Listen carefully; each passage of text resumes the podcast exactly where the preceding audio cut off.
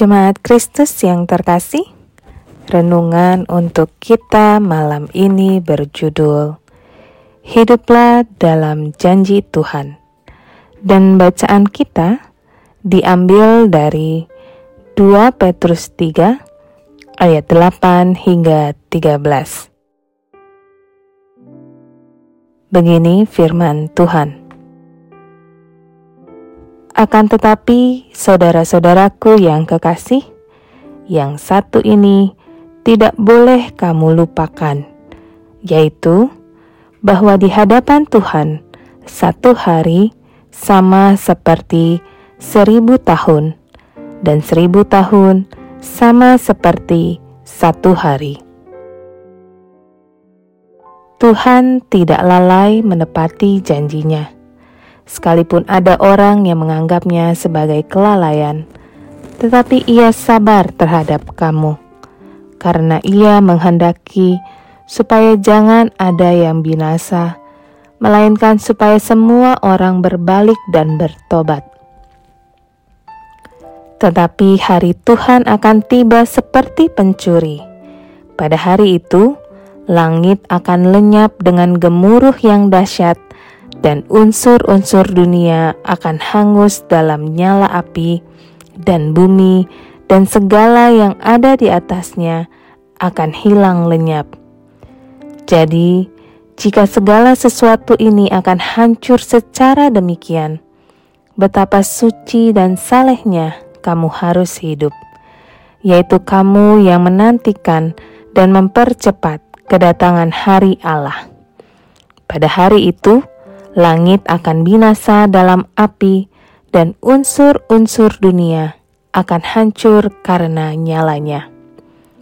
Tetapi sesuai dengan janjinya, kita menantikan langit yang baru dan bumi yang baru, di mana terdapat kebenaran. Berbicara tentang akhir zaman selalu menjadi topik yang asik untuk dibahas Bagian-bagian dalam tema ini menarik karena berbicara ke mana kita akan pergi setelah menyelesaikan segala sesuatu di dunia ini. Petrus berbicara tentang kegelisahan banyak orang pada saat itu yang sangat menanti-nantikan hari kedatangan Allah yang tak kunjung tiba. Mereka menantikan hari Tuhan tersebut agar bisa segera hidup bersama dengan Allah. Hanya saja, tampaknya ada beberapa orang yang beranggapan bahwa tidak kunjung tibanya hari Tuhan tersebut karena Tuhan lalai dengan janjinya. Oleh sebab itulah Petrus mengingatkan kepada mereka bahwa tidak ada yang mengetahui rencana Allah tentang kapan hari Tuhan itu datang. Bila itu dinilai terlambat oleh manusia, bukan berarti Allah lalai.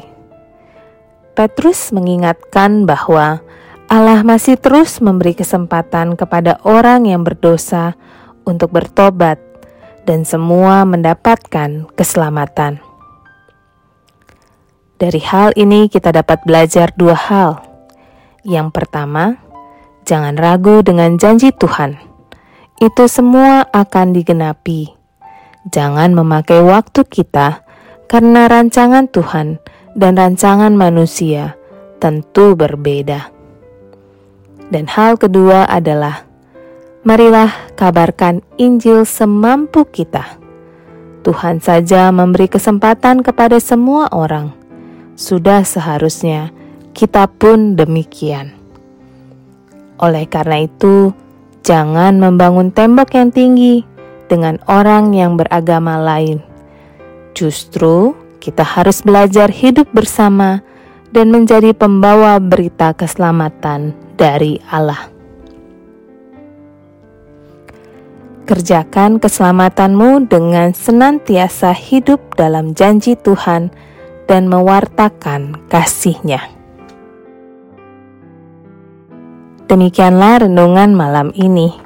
Semoga damai sejahtera dari Tuhan Yesus Kristus tetap memenuhi hati dan pikiran kita. Amin.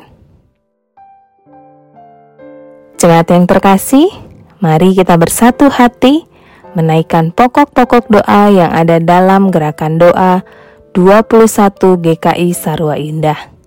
Mari kita berdoa.